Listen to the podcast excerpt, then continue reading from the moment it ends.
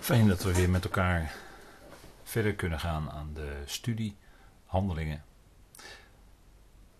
We zijn bezig in de toespraak van Stefanus tegenover het Sanhedrin met name. En we kijken alweer naar het vierde deel van die toespraak. En we willen vandaag kijken naar de versen 36 tot en met 48. En de volgende keer hopen we dan die toespraak en Handelingen 7 af te ronden. In ieder geval, we gaan lezen met elkaar en voordat we dat doen wil ik graag eerst beginnen met gebed. Vader, dank u wel dat we ook op dit moment weer een stukje uit handelingen met elkaar kunnen overwegen. We danken u dat u ons daarin wilt leiden door uw Heilige Geest. We danken u dat u ons uw geest heeft gegeven die in ons woont en waarmee we verzegeld zijn. Houd een geweldige belofte in, Vader, dat de volle uitbetaling van die geest ook in de toekomst zal komen. We danken u dat we daarna mogen uitzien. We danken u dat uw woord altijd vol zit met perspectief naar de toekomst, de verwachting. Vader, dank u wel voor al die beloften die u ons rijk gegeven heeft in Christus Jezus. Die zult u ook allemaal stuk voor stuk vervullen. En we danken u dat we nu mogen leven naar dat grote einddoel toe. We danken u voor uw trouwe goedheid en liefde. We danken u dat u ons nabij bent. Wees ook met hen die het moeilijk hebben, die in lastige situatie zijn, wil hen genadig nabij zijn. Vader, we danken u dat u voorziet in wat nodig is. We danken u ook voor dit moment. Zegen dit uur en mogen we met elkaar ons weer verheugen over datgene wat u zegt en over uw zoon. Vader, we danken u daarvoor in de naam, in zijn naam. Amen. Goed, we kijken met elkaar naar handelingen. En we gaan snel verder met vers 36. En daar gaat het over Mozes. Als u de vorige keer beluisterd heeft, dan weet u dat het over Mozes gaat. En hieraan wordt gerefereerd aan die Mozes, die grote Mozes, die zo belangrijk is ook nog steeds binnen het Jodendom, en zeker binnen het orthodoxe Jodendom. Hier wordt gezegd door Stefanus: deze man heeft hen uitgeleid. Hen is natuurlijk het volk Israël. En u ziet ook, ik heb een aantekening gemaakt op deze dia.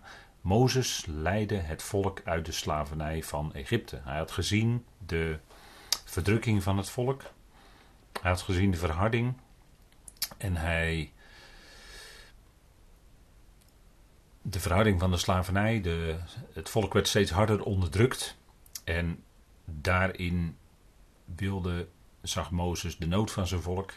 En natuurlijk, God wist ook van die nood van het volk. En daarom stuurde hij Mozes die eerst 40 jaar aan het hof van de farao werd opgevoed en grootgebracht in de wijsheid van de Egyptenaren. Het was dus een hele bekwame en begaafde man, die Mozes. En daarna moest hij nog 40 jaar in de wildernis de schapen hoeden bij Jethro, zijn schoonvader. En we weten ook dat hij daar twee zonen kreeg. Nou, dat hebben we vorige keer gezien. En Mozes was dan op 80-jarige leeftijd genoeg voorbereid om het volk uit de slavernij van Egypte te gaan leiden. En dat zou een geweldige verlossing zijn. De slavernij was de slavernij onder de harde regels, onder de, en het was ook slavenarbeid. Ze moesten tegelstenen bakken. En dat hebben we al eerder gezien bij Babel. Dat is hetzelfde principe. Babel werd ook opgebouwd, hè, Babylon, de toren van Babel werd opgebouwd met, laten we maar zeggen, tichelstenen. En dat is dan altijd een uitbeelding van de menselijke eigenwerken, wat mensen met de eigen handen maken.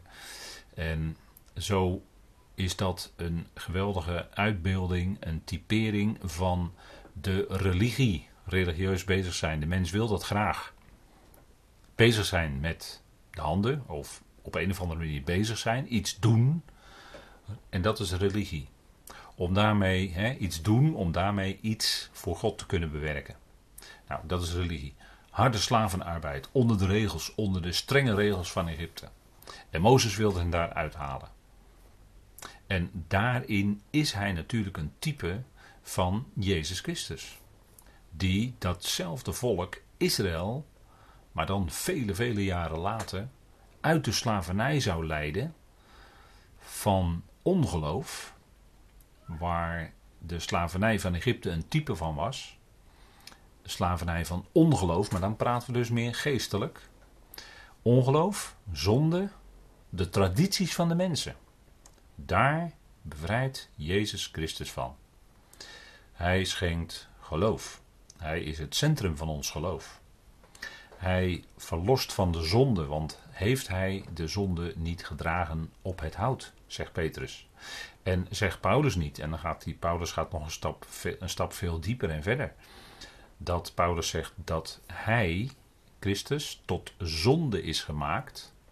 En je mag daar ook vertalen zondoffer, als je kijkt naar het Hebreeuwse woord. Dat betekent allebei, dat betekent zowel zonde als zondoffer. En Paulus noemt dan in 1, 2 Korinthe 5, vers 21, dat hij, Christus, tot zonde is gemaakt. En als we dan daaronder horen dat Hebreeuwse woord, dan kun je ook, mag je ook vertalen zondoffer. En zo verlost hij de mensheid, de hele mensheid, van de zonde. En voor veel mensen is het zondigen en de zonde eigenlijk helemaal niet zo'n probleem, omdat ze helemaal geen idee hebben wat ze doen en dat ze hun doel missen. Maar ja, probleem. Voor God was het niet een probleem, maar het was wel iets dat uit de weg geruimd moest worden, de zonde. Want dat stond tussen God en de mens in. En dat heeft Christus gedragen op Golgotha. Hij heeft de zonde weggedragen, de zonde van de hele wereld. En daarmee dus ook de zonden. En dat zijn twee verschillende dingen. De zonde is de zondemacht over de mens. En dan heb je het zonden, dat is het zondigen, de zondige daden die de mensen doen. Beiden heeft hij gedragen. Beiden zijn daarom op Golgotha en via het kruis weggedaan. En daarom is die hindernis die er was tussen God en mens weg. En nu kan ieder mens, zonder dat hij iets hoeft te doen, God danken voor datgene wat Christus gedaan heeft. Het is gedaan. Het is volbracht. Nou, dat is natuurlijk geweldig, hè? Jezus Christus zou het volk en degene die geloofden, die wisten daar al iets van. Misschien nog niet zo diepgaand als wat Paulus bekend maakt, maar die wisten vergeving van zonde. Hij heeft dat gedragen. Hij heeft die zonden gedragen op het hout. En zo verloste hij de gelovigen van Israël uit slavernij. En de anderen die in ongeloof bleven steken, want daar gaat handelingen natuurlijk ook over. En daar is Stefanus, die de, die redenvoering houdt tegenover het Sanhedrin, is volop in die situatie. Het Sanhedrin is in ongeloof en wie weet zou het Sanhedrin overtuigd kunnen worden door wat Stefanus zegt. In die setting zitten we. En Jezus Christus, die bevrijdt en verlost dat volk van ongeloof, zonde en van de tradities van de mensen. Want tijdens zijn aardse leven ging de Heer daar enorm tegen te keer. Die, tegen die tradities van de orthodoxie van zijn dagen. Die tradities die het woord van God krachteloos hadden gemaakt. Daar fulmineerde de Heer tegen. Omdat het het woord van God in feite afdekte, bedekte. En die bedekking wordt weggenomen in Christus. Tradities van mensen. Dus zoals Mozes het volk op 80-jarige leeftijd ging uitleiden, uit de slavernij van Egypte. Zo leidt Jezus Christus, de grotere Mozes, uit de slavernij van ongeloof, zonde en tradities. Nou, dat is een geweldige parallel natuurlijk. Hè? Nou, we gaan verder met vers 36b. Deze man, staat er, heeft hen uitgeleid en deed wonderen en tekenen in het land Egypte en in de Rode Zee en in de woestijn, 40 jaar. Mozes tekenen en wonderen. En we zien hier op dat plaatje, u weet wel, die slang. Hè, dat werd een vurige slang. Maar de magiërs van Egypte, de wijzen of de magiërs van Egypte konden dat ook. Mozes deed tekenen en wonderen, maar de tekenen en wonderen werden nog veel groter. En die konden op een gegeven moment de magiërs van Egypte niet meer nadoen. Als het ging om hagelstenen die regenden, als het ging om veepest, als het ging om vliegen, als het ging om muggen enzovoort. Al dat soort dingen. Tekenen en wonderen. En het grootste wonderteken of teken was dat hij hen door de Rode Zee in de woestijn uitleidde. Door de Rode Zee. Hè? God maakte op het juiste moment. En denken we dan niet aan de woorden van de profeet? Ik zal voor jullie strijden en jullie, zal jullie zullen stil zijn. Of denken we dan niet aan de woorden van Genesis? Waarin de retorische vraag wordt gesteld zou voor God iets te wonderlijk zijn. Dat volk zat vast voor de Rode Zee en achter hen kwamen de legers van de farao. Zou voor God iets te wonderlijk zijn? Nee. Hij gaf een pad door de Rode Zee. En zij kwamen op die manier in het wat wij nu kennen als het Saoedi-Arabische schiereiland. Waar de berg Sinai ligt. die ligt niet in de Negev-woestijn, maar die ligt in dat Saoedi-Arabische schiereiland. Want zegt Paulus niet in Galaten 4, vers 25, de berg Sinai in Arabië? Dan is het toch duidelijk.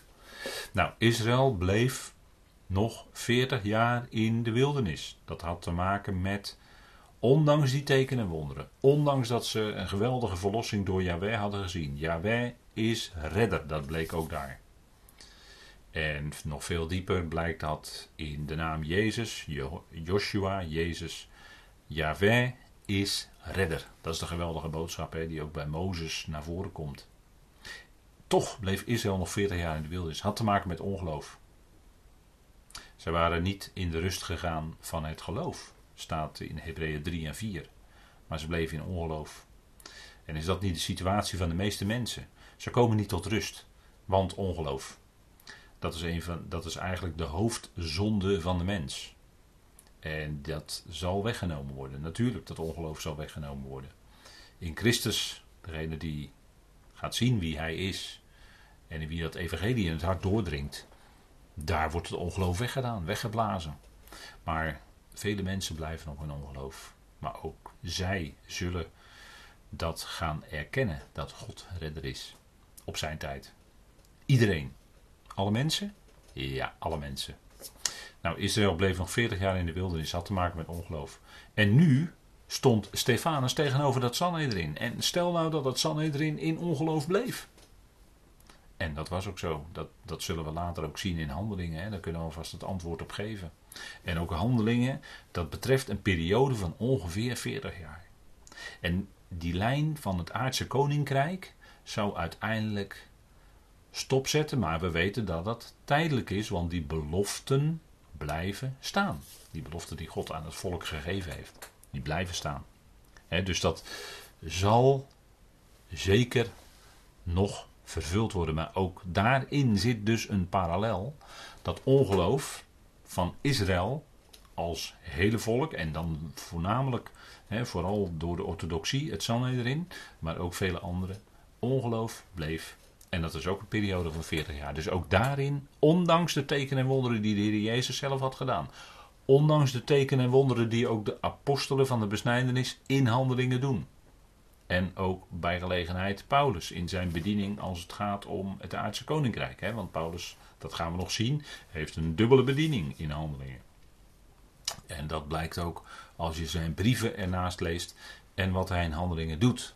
Dan zie je dat daar twee sporen zijn in feite die naar voren komen. Paulus deed ook tekenen en wonderen. Maar ook dat kon uiteindelijk niet dat geloof bij dat volk brengen. Net zoals bij Mozes. Nou goed, we gaan verder met vers 37. Dan zegt Stefanus: Deze is de Mozes die gezegd heeft tot de zonen van Israël: Een profeet zoals ik zal God voor jullie doen opstaan uit jullie broeders. En hierin zien we hoe sterk Mozes een type is van Christus. Christus is natuurlijk de grote Mozes, net zoals hij de grote Jozef is en de grote Jozua is en noem maar op. Het Sanhedrin kennen die tekst natuurlijk heel goed. Hè? Hier citeert Stefanus uit Deuteronomium 18, vers 15 tot 18. Een profeet zoals ik zal God voor jullie doen opstaan uit jullie broeders. En Christus, Jezus Christus, is hun Messias. Is de gezalfde die beloofd was. En tot op vandaag de dag kijkt, en dan gaat het om de orthodoxie, want er zijn vele liberale Joden en er zijn ook heel veel Joden die helemaal nergens in geloven. Althans, ze zeggen nergens in te geloven. Seculier noemen we dat dan.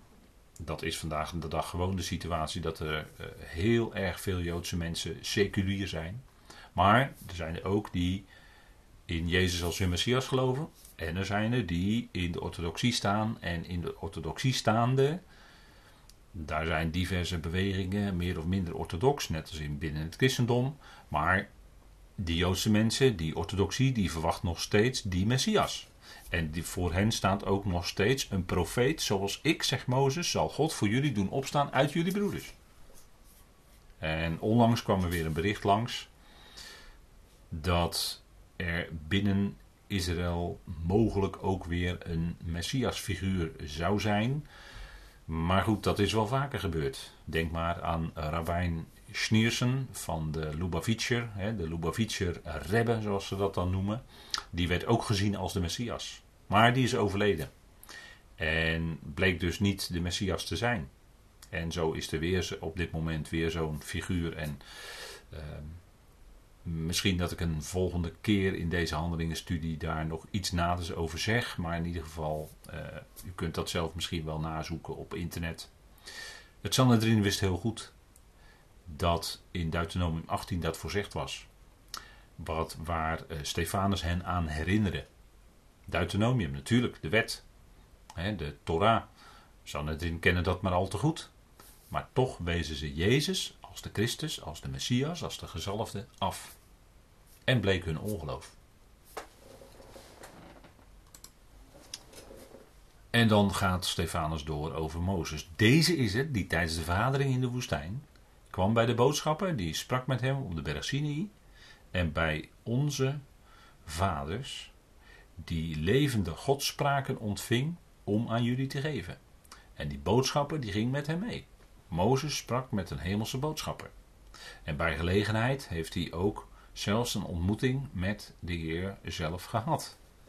dat de Heer zei: Ik ga je voorbij en dan zie je mijn nagloed. En dat was natuurlijk de heerlijkheid van God. En dat was natuurlijk een, een voor. Een, een voorgestalte, ja, hoe moet je dat zeggen? Christus is een heerlijkheid voordat hij mens werd. En daarvan heeft Mozes de nagloed gezien. En die boodschapper, die met hem sprak op de berg we weten het niet, misschien een, een hemelse boodschapper, misschien was het de Heer zelf. Ook dat zou nog kunnen, want die wordt bij de Heer zelf wordt bij gelegenheid in Tenach ook boodschapper genoemd. En natuurlijk, dat is hij ook. Hij is ook een boodschapper van God. De grote, de allergrootste, de allerhoogste boodschapper van God, natuurlijk. Maar hij is natuurlijk nog veel meer, onze Heer Jezus Christus. En hij was in zijn heerlijkheid. En die, hij was daar ongetwijfeld, heeft hij zich gemanifesteerd op die berg. En hij ontving levende godspraken. Hij ontving natuurlijk de Torah, de tien woorden. Maar hij ontving, Mozes heeft nog veel meer daarin geschreven. Hè, en heeft daar uitgebreid ook gesproken in. Wat, wat zijn weerslag heeft in het boek Deuteronomium. En hij kreeg allemaal uh, voorschriften. En dat, dat noemt uh, Stefanus hier levende godsspraken. Natuurlijk, Gods woord is levend en krachtig. Altijd. En scherper dan een tweesnijdend scherp zwaard. En Gods woord is levend als het draait om Hem die ons het leven geeft, de Heer Jezus Christus.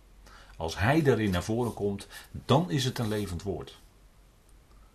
En zo niet, als Hij weggedrukt wordt en de mens komt meer centraal te staan, dan wordt Gods woord tot een serie, ja, wat, wat, uh, wat de profeet Jezaja moet vaststellen. Hè? Jezaja 28, uh, wet op wet, regel op regel, hier wat, daar wat. Dan worden het allemaal wetten geboden en waaraan je je moet houden. En uiteindelijk uh, weet je ook niet meer waarom je je moet houden. En er worden de wetten en geboden bijgemaakt en noem alles maar op. Hè. Is in het Jodendom gebeurd, is in het Christendom gebeurd.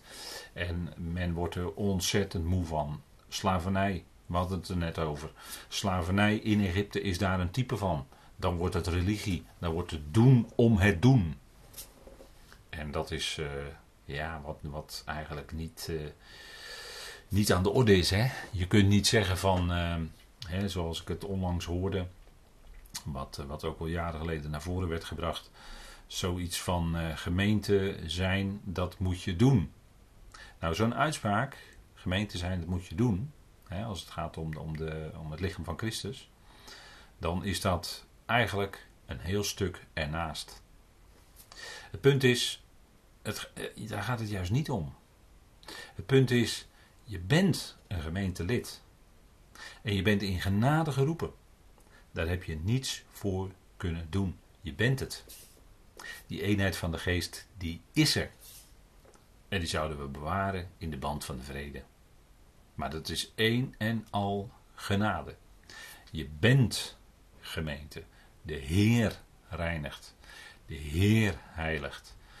En dan gaat het veel meer om gemeente zijn. En niet zozeer uh, gemeente, dat moet je doen, want dan verleg je gewoon de waarheid.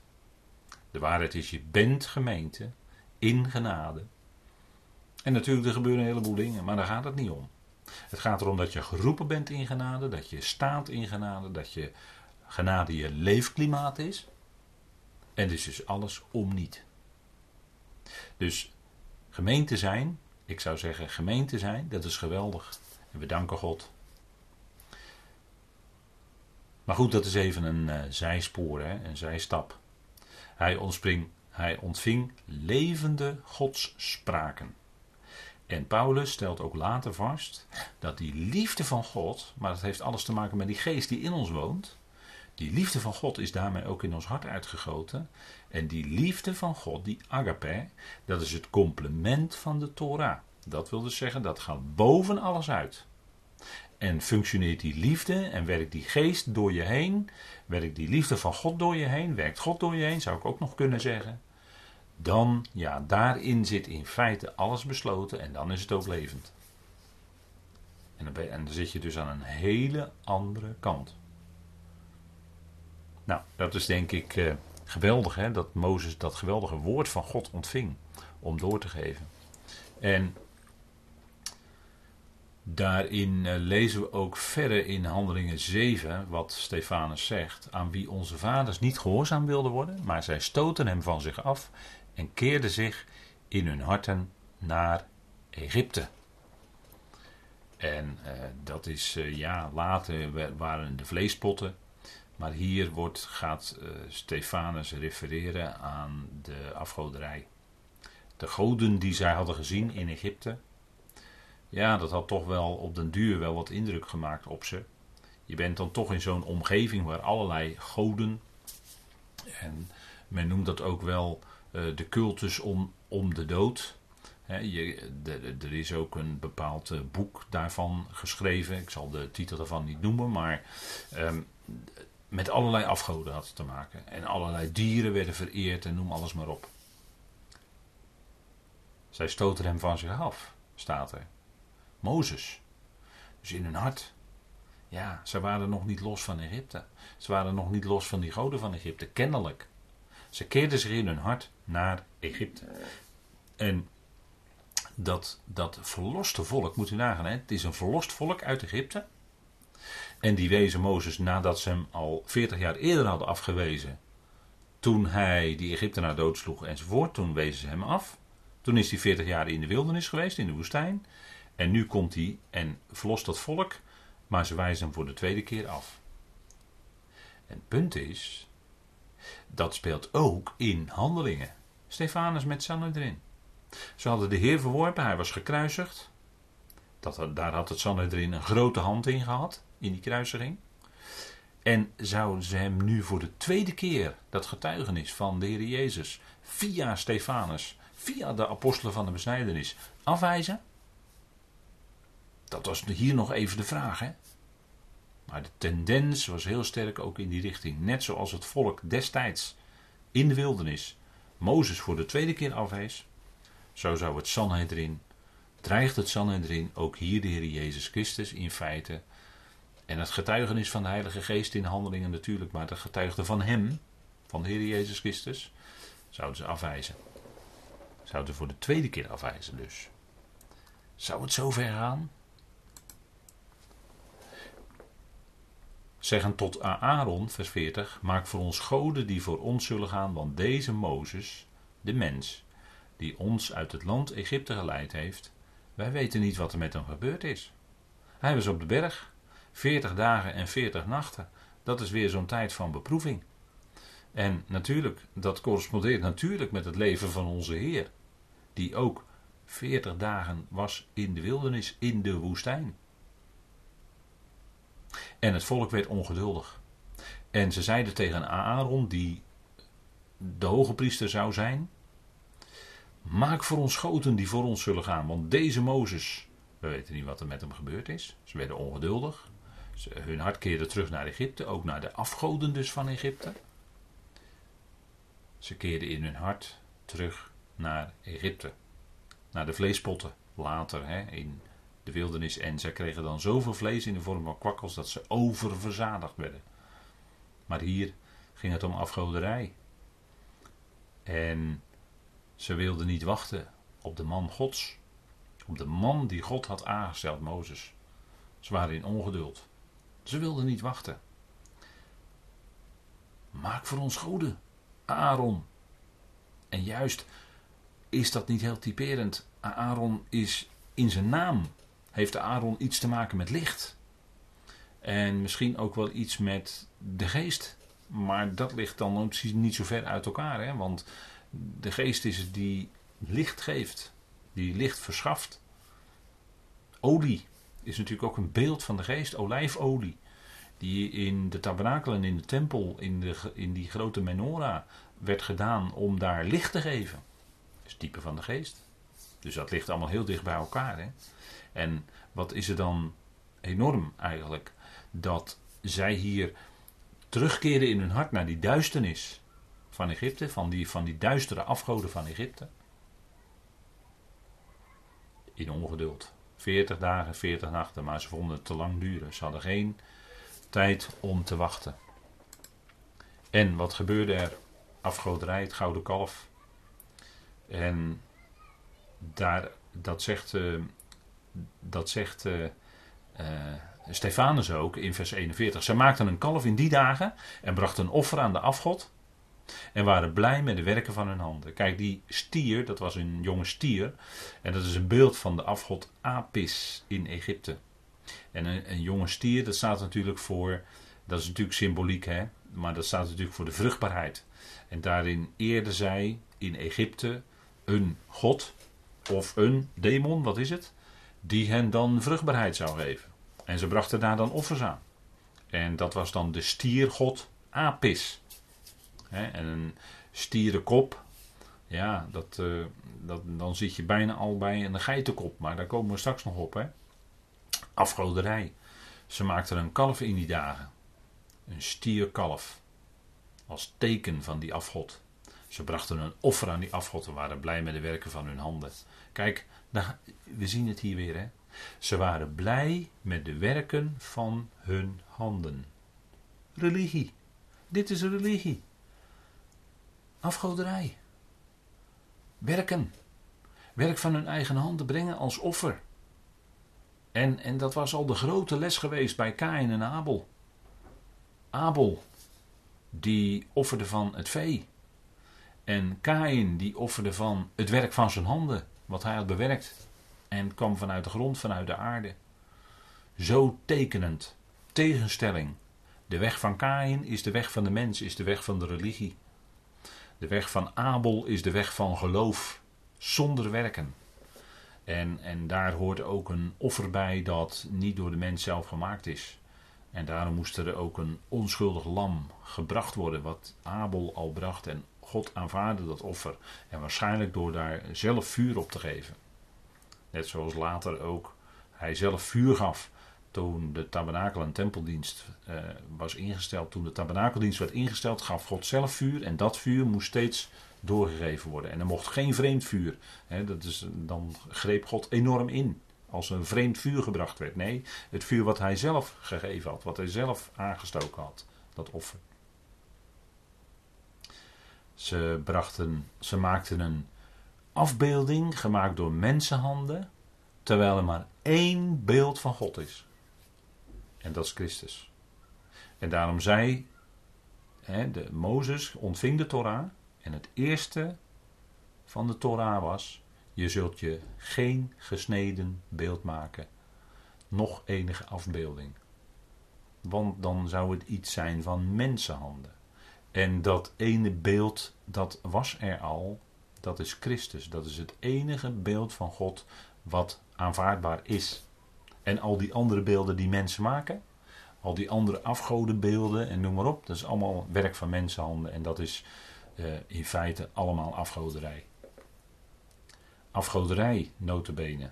het gouden kalf onder de hoge priester, degene die hoge priester zou zijn, Aaron. En zo was het ook in de dagen van Stefanus. Er was ook bij de Sanhedrin, de hoge priester, sprake van afgoderij. Want zij zeiden wel dat ze Yahweh dienden in die dagen. Maar zij dienden in feite, ja, of zichzelf, of misschien zelfs wel de afgoden. Hè? Ze waren bezig met andere dingen. Ezekiel, de profeet, spreekt er bijvoorbeeld over, hè? daar moet ik dan ineens aan denken. Ezekiel die spreekt erover dat zij, zij weliswaar uh, hè, in zijn dagen, sprake was van afgoderij zo ernstig dat ze weliswaar in de tempel waren. Maar wat deden ze? Ze deden mee aan het bewenen van de Tammuz. De Tammuz. En dat had alles te maken met het voorjaar, met Astarte, met vruchtbaarheid, met ehm, ja, juist in het voorjaar waarin de afgod Astarte werd vereerd hè, als de godin van de vruchtbaarheid. Nou, dit is uh, de stiergod Apis, dus in feite hetzelfde. Hè? Maar dat werd dan in het voorjaar vooral geëerd. Hè? En een, uh, ja, uh, Easter, hè, Astarte. In het Engels zeggen ze dan Easter, Pasen. En dat is eigenlijk een, ja, een, het is, eh, hè, bij Israël werd natuurlijk het Pesachfeest ingesteld. Dat is heel iets anders. Maar in het christendom is er Pasen, Easter en dan gaat men eieren zoeken. Hè, en daar, nou ja, goed, het heeft ook allemaal te maken met vruchtbaarheid. En dan zie je dat men een hele andere kant op gaat dan uh, ja, Pasen, waarom zouden we eigenlijk Pasen vieren? Uh, Pasen is Pesach voor de Joodse mensen. En uh, verder is er nergens een bepaald feest in het jaar voor ons als gelovigen ingesteld. Geen enkel feest, helemaal niets. Geen enkel religieuze verplichting. Wij, wij doen niet aan dagen, maanden, vaste tijden en dergelijke, want het hoort allemaal bij religie. Nee, het is elke dag.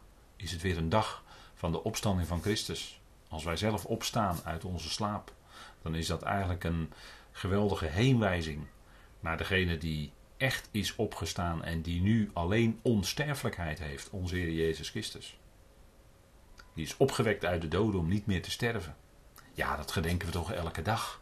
Daar hoeven we niet een bepaald moment in het jaar voor met elkaar af te spreken. Want dan ben je weer bezig met in feite een stukje religieus bezig zijn dus die dingen liggen uiteindelijk toch wel heel scherp. Als je Paulus erop naleest, he, gelaten brief, Colossense, zijn we nu mee bezig. Maar Colossense is ook heel erg duidelijk, hebben we met elkaar besproken. Colossense 2. Het houden van dagen, jaren, vaste tijden, eh, noem hem alles maar op. Het hoort allemaal bij religie. Het hoort allemaal bij de tradities, de filosofie van de mensen. En het leidt af van om wie het werkelijk gaat, de Heer Jezus Christus. Om Hem gaat het. God keerde zich af, staat in vers 42, en gaf hen over aan, godsdienst, aan het godsdienst brengen aan de menigten van de hemel. En dat is wat zij ook tijdens de woestijnreis hebben gedaan. Dat is een enorme vaststelling van Stefanus. Hè? Dat ze in die woestijnreis ook bezig waren met het vereren van de, de sterren en, en het, heer van de, hè, het heer van de hemel, hè, de menigten van de hemel. De, de, de, de goden die daar dan zouden zijn. Hè, wat niet anders is vaak dan demonen of anderszins. Kijk, later gaf de Heer hen over, heb ik net al even genoemd, hè, ze verlangden terug naar de vleespotten van Egypte. God gaf hen over aan het vlees. Aan, uh, hij gaf hen veel kwakkels. En zo ook gaf hij hen over, hè, want dat is het punt. Hè. Het volk bedreef afgoderij en bedreef ook op dat moment hoererij bij hè, dansen en spelen en zingen. En uh, daar gebeurde van alles, hoererij. Niet alleen geestelijk gezien, maar ook lichamelijk. En Mozes die daalde van de berg af. En als teken dat zij daarmee het verbond al verbroken hadden, terwijl ze het nog niet eens gehoord hadden. Maar zij hadden dat verbond al verbroken. En zo gaf God hen over aan afgoderij opdat ze zouden leren door een bittere ervaring. want dat, dat is waarom God overgeeft. Dat is niet zomaar om uh, hen definitief af te schrijven. Nee, hij laat hen daardoor, uh, om hen daarin over te geven. Wat, wat ook uh, consequenties heeft. Hè? Afgoderij, lees Romeinen 1 maar. eh, in moraliteit, hè, in moreel opzicht, in het gedrag, ook op seksueel terrein. Hè, dat is allemaal een gevolg daarvan. Door bittere ervaring te leren wat werkelijk een wijsheid is, dat is Yahweh, de God, God de Vader.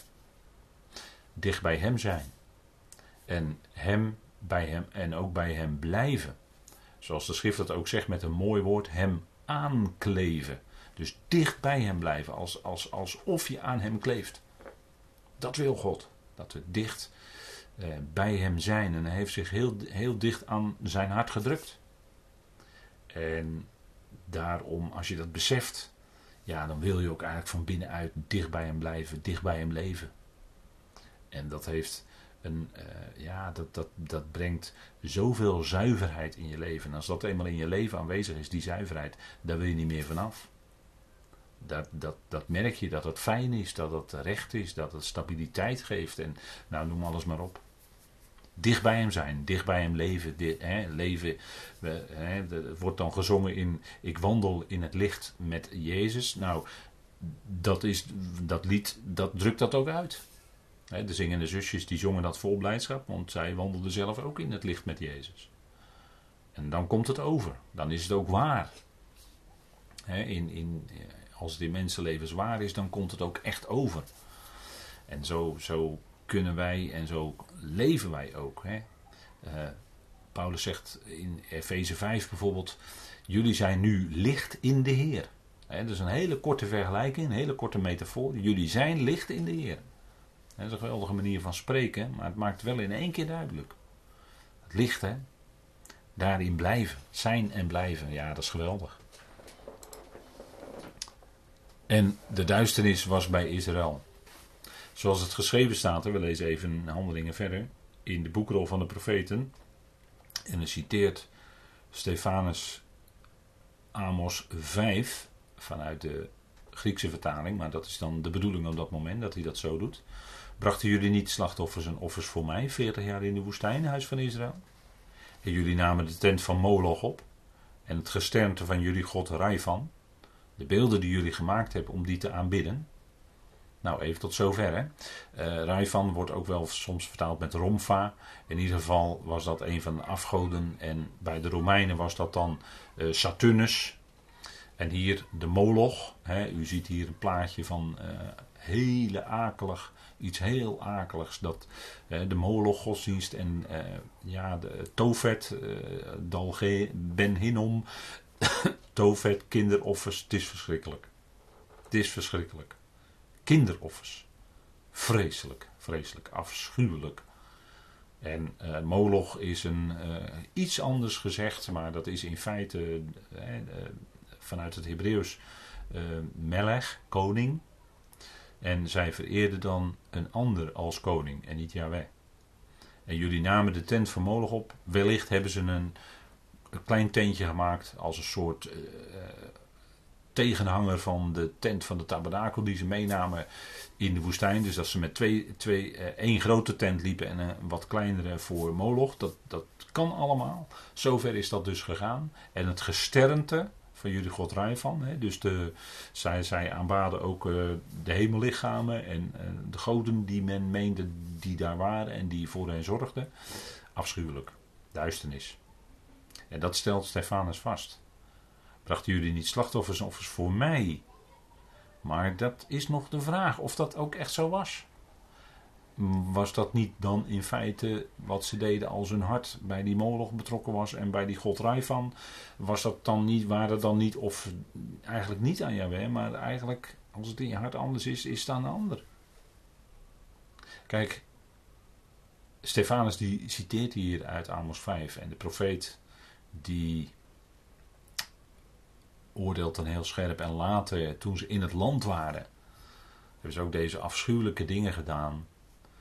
Of zij in de woestijnreis ook daadwerkelijk aan die kinderoffers gedaan hebben, dat weten we niet, dat is niet bekend.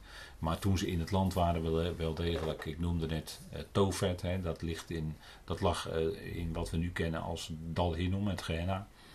En waar in de toekomst weer de vuilverbranding van Jeruzalem zal plaatsvinden en waarin de veroordeelden, de gevierendeelden en noem maar op ingeworpen worden als afschrikwekkend voorbeeld voor degenen die dat zien. Als zij dat, dat gebeurt met hè, de, de gerechtigheid regeert in het koninkrijk. Dat gebeurt allemaal daar. En in het verleden was het ook een afschuwelijke plaats. Dat dal Hinnom. Want daar werden daadwerkelijk kinderoffers gebracht. Toen Israël in het land woonde. En dat was een van de redenen natuurlijk waarom ze in ballingschap moesten. Waarom God hen verdreef. Ga weg uit mijn huis. Want jullie houden je niet aan de, aan de regels van mijn huis, van mijn land. Jullie houden je niet aan de regels. Jullie plegen afgoderij. Jullie, uh, ja, en dan moesten ze op een gegeven moment toch weg. En kijk, Ezekiel 20 spreekt daar ook heel sterk van, hè? vers 8, 16 en 24. Daar, uh, daar lees je ook van, uh, van die afgoderij. En ja, kijk, ik denk dat zo'n profeet als Ezekiel, die ook heel duidelijk spreekt over de afgoderij van zijn eigen volk. Ik denk dat het goed is als u die tekst eens naleest. Omwille van de tijd ga ik nu toch maar door. Maar ik denk dat dat hele duidelijke dingen zijn wat Stefanus hier vaststelt. Vers 43b: Ik zal jullie in ballingschap brengen, verder dan Babylon. En uh, in de oorspronkelijke tekst, omdat uh, Stefanus hier de Griekse vertaling van het Oude Testament van Tenach citeert, is dit zo opgenomen. En dat is dan ook de bedoeling hoor, natuurlijk. God heeft het zo laten opschrijven en dit was de bedoeling. Dit moest hij zo zeggen.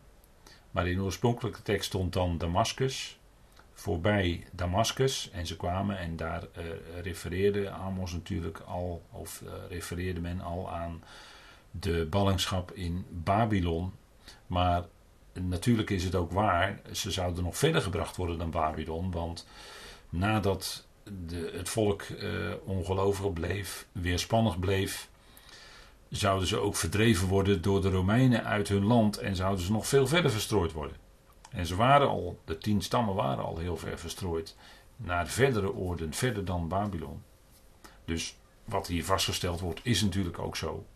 Ze werden verder naar het oosten verdreven. En wellicht via een enorme omweg kwamen ze uiteindelijk uh, resten van de tien stammen uh, mogelijk in West-Europa en Amerika terecht. Dat, dat kan allemaal. Maar dit is wat ook zou gebeuren dit zijn niet zomaar woorden die Stefanus zomaar uitsprak. Maar hij werd hierin door de Heilige Geest geleid. En dit zou ook gaan gebeuren. Ze werden naar Assyrië verdreven, naar Damascus dus, en naar Babylon en zelfs verder.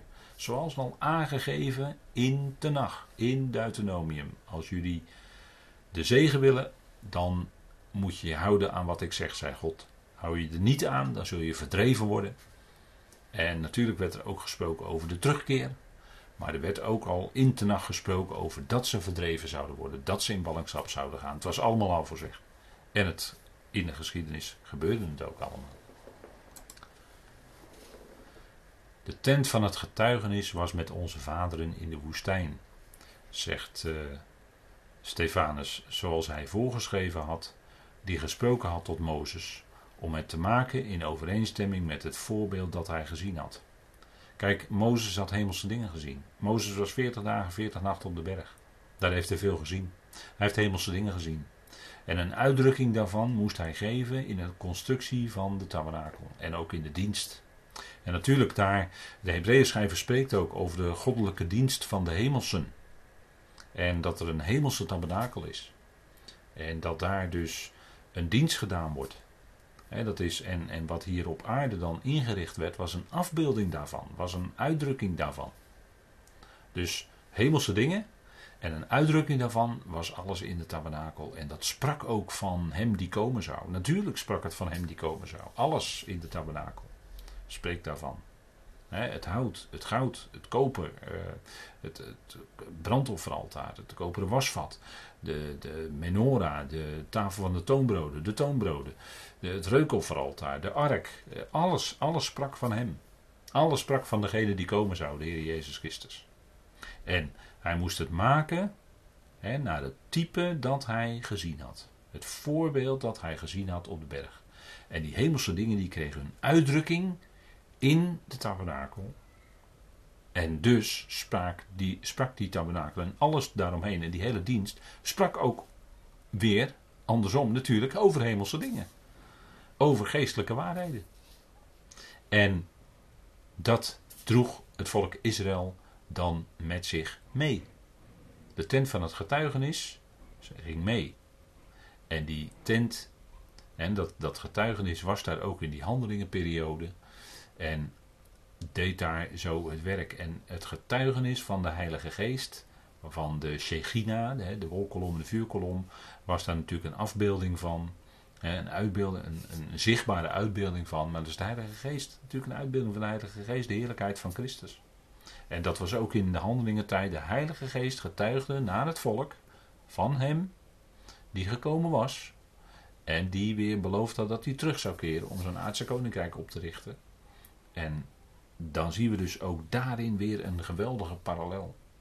Israël verweert dat getuigenis van de tabernakel. We hebben net de treurige zaak gezien dat zij andere goden ook aanbaden. Terwijl ze die tabernakel notabene met zich meedroegen. Terwijl notabene daar de wolkolom en de vuurkolom was. En nochtans pleegden ze afgoderij terwijl ze door de woestijn trokken.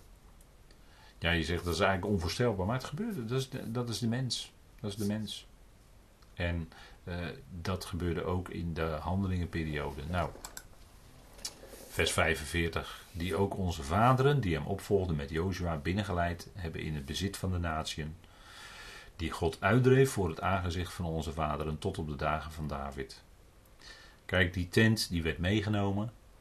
En de vaderen die Mozes opvolgden, die werd, en uh, werd binnengeleid in het bezit van de natie, hè, de inleiding, hè, de binnenleiding in het land, waar op dat moment andere volkeren woonden, maar die werden verdreven, en staat er ook, die God uitdreef voor het aangezicht van onze vaderen, tot op de dagen van David. En ze namen die tent mee, die werd daar neergezet. Kijk, Jozua, dat betekent Yahweh redder, leidde hen in het tijdelijk bezit van het land. En nu, Stefanus sprak daarvan, was permanent bezit van het land mogelijk onder de grote Jozua, Jezus. En ook die naam betekent Yahweh, redder. In het Hebreeuws is dat ook Jehoshua. Dat is in feite dezelfde naam. Yahweh is redder. En zouden ze zich tot hem keren, dan zouden ze een permanent bezit hebben. Niet tijdelijk zoals bij Jozua, maar permanent onder de grote Jozua. Dat lag in het verschiet en zo sprak hij het Sanhedrin aan. En hij vond genade voor het aangezicht van God. En verzocht een tent te vinden voor de God van Jacob. Kijk, eh, David, David, hè, als we uh, even kijken nog naar de vorige, tot op de dagen van David. Die genade vond, David, die genade vond voor het aangezicht van God. En verzocht een tent te vinden voor de God van Jacob. Jacob wilde een tent maar dan een vaste. Met andere woorden, een vaste woning. Een tempel. En we zien hier Saul, die kijkt naar David, die zijn overwinningen viert. En Saul is vol jaloezie naar David toe. Saul, kun je zeggen, is eigenlijk een type of een uitbeelding van de heerschappij van de wet. En David, David zijn heerschappij, David zijn koningschap, hè, Sauls koningschap, uitbeelding van de heerschappij van de wet. Davids koningschap is een uitbeelding van de heerschappij van de genade. Staat hier ook, hè, die genade vond voor het aangezicht van God en verzocht een tent te vinden voor de God van Jacob. Natuurlijk David, maar David mocht in hem niet een huis bouwen, had bloed aan zijn handen. Hij vond genade, David. En natuurlijk de enorme kwestie met Bathseba. David vond nogthans genade, hij kreeg vergeving. Een ernstige zonde maar hij kreeg vergeving. Zo is God. En dat is niet. Uh, God deed niet licht over die zonde, want hij werd door de profeet Nathan daar ernstig mee geconfronteerd. Hetgeen leidde tot diep, diep verootmoediging bij David. En God schonk in zijn genade vergeving. En David wilde een tent bouwen. Kijk, Jozef, eh, David kende een periode van afwijzing. Dat is ook een parallel. Hè? Jozef kende een periode van afwijzing waarna hij genade vond bij de farao. David vond de periode van afwijzing door koning Saul. door verschillende mensen van het volk. Hij werd eerst verworpen, maar later vond hij ook genade. En werd hij alsnog koning. En zo is het ook bij de grotere Jozef of David eveneens, de Heer Jezus Christus. Eerst verwerping, afwijzing en daarna vond hij genade. En is het ook niet zo dat diezelfde woorden eigenlijk worden gebruikt toen de Heer Jezus opgroeide als kind, dat hij genade vond voor het aangezicht van God en van de mensen. zoals het zo mooi in Lucas 2 staat. dus ook daarin zit zelfs een parallel. Maar geweldige parallel, hè? Eerst verwerping, en dat is natuurlijk ook het lijden.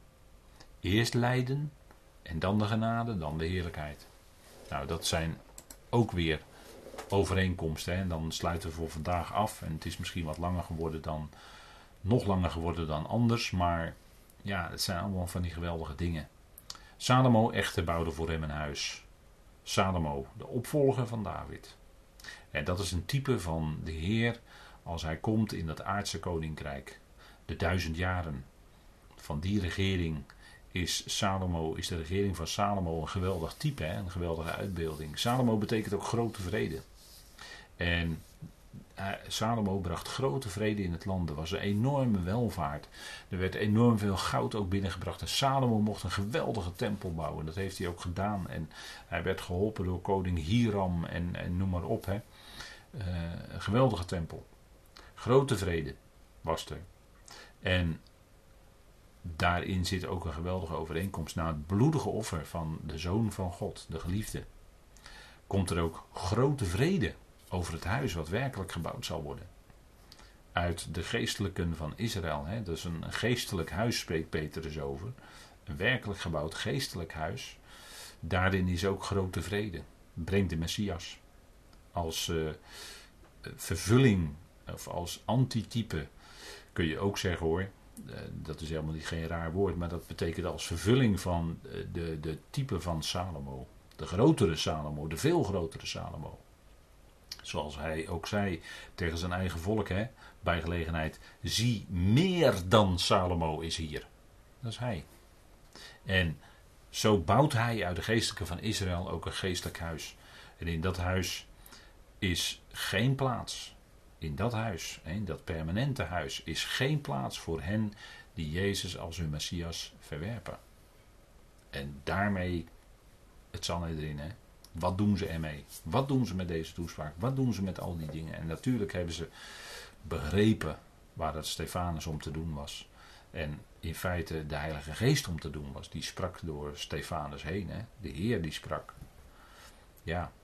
Nou, dat uh, gaan we de volgende keer zien. Hoe dat afloopt allemaal. Die toespraak van Stefanus en de reactie van het Sanhedrin daarop. En, en natuurlijk, uh, ja, dat is ernstig. Maar we zien hier de geweldige toespraak en dat kunnen we toch niet zomaar licht passeren.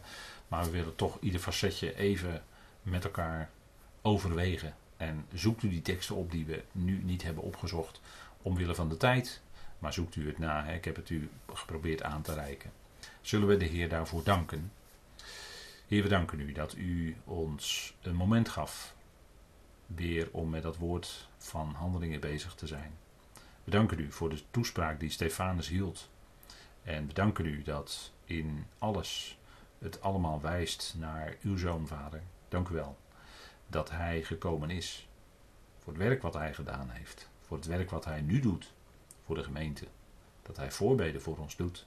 Dat hij de gemeente heiligt en reinigt met zijn uitspraken. Vader, dank u wel dat we zo'n voorbidder mogen hebben in hem. Dank u wel dat Stefanus in alles wees naar die Messias, naar Heer Jezus Christus. En in al die mensen uit de geschiedenis van Israël, grote mensen, Mozes, Jozef, David, Salomo, Jozua, allemaal typen op een of andere manier van uw zoon, vader. Want één mens als type is niet genoeg om te beschrijven hoeveel en hoe groot uw zoon is die ons hoofd is. Vader, dank u wel voor dit moment wat u ons gaf. En wilt u het verder uitwerken en doen doorwerken in ons hart en leven. We danken u daarvoor. We danken u voor uw goedheid, trouw en liefde. In de machtige naam van die geliefde Zoon, onze Heer, Christus Jezus. Amen.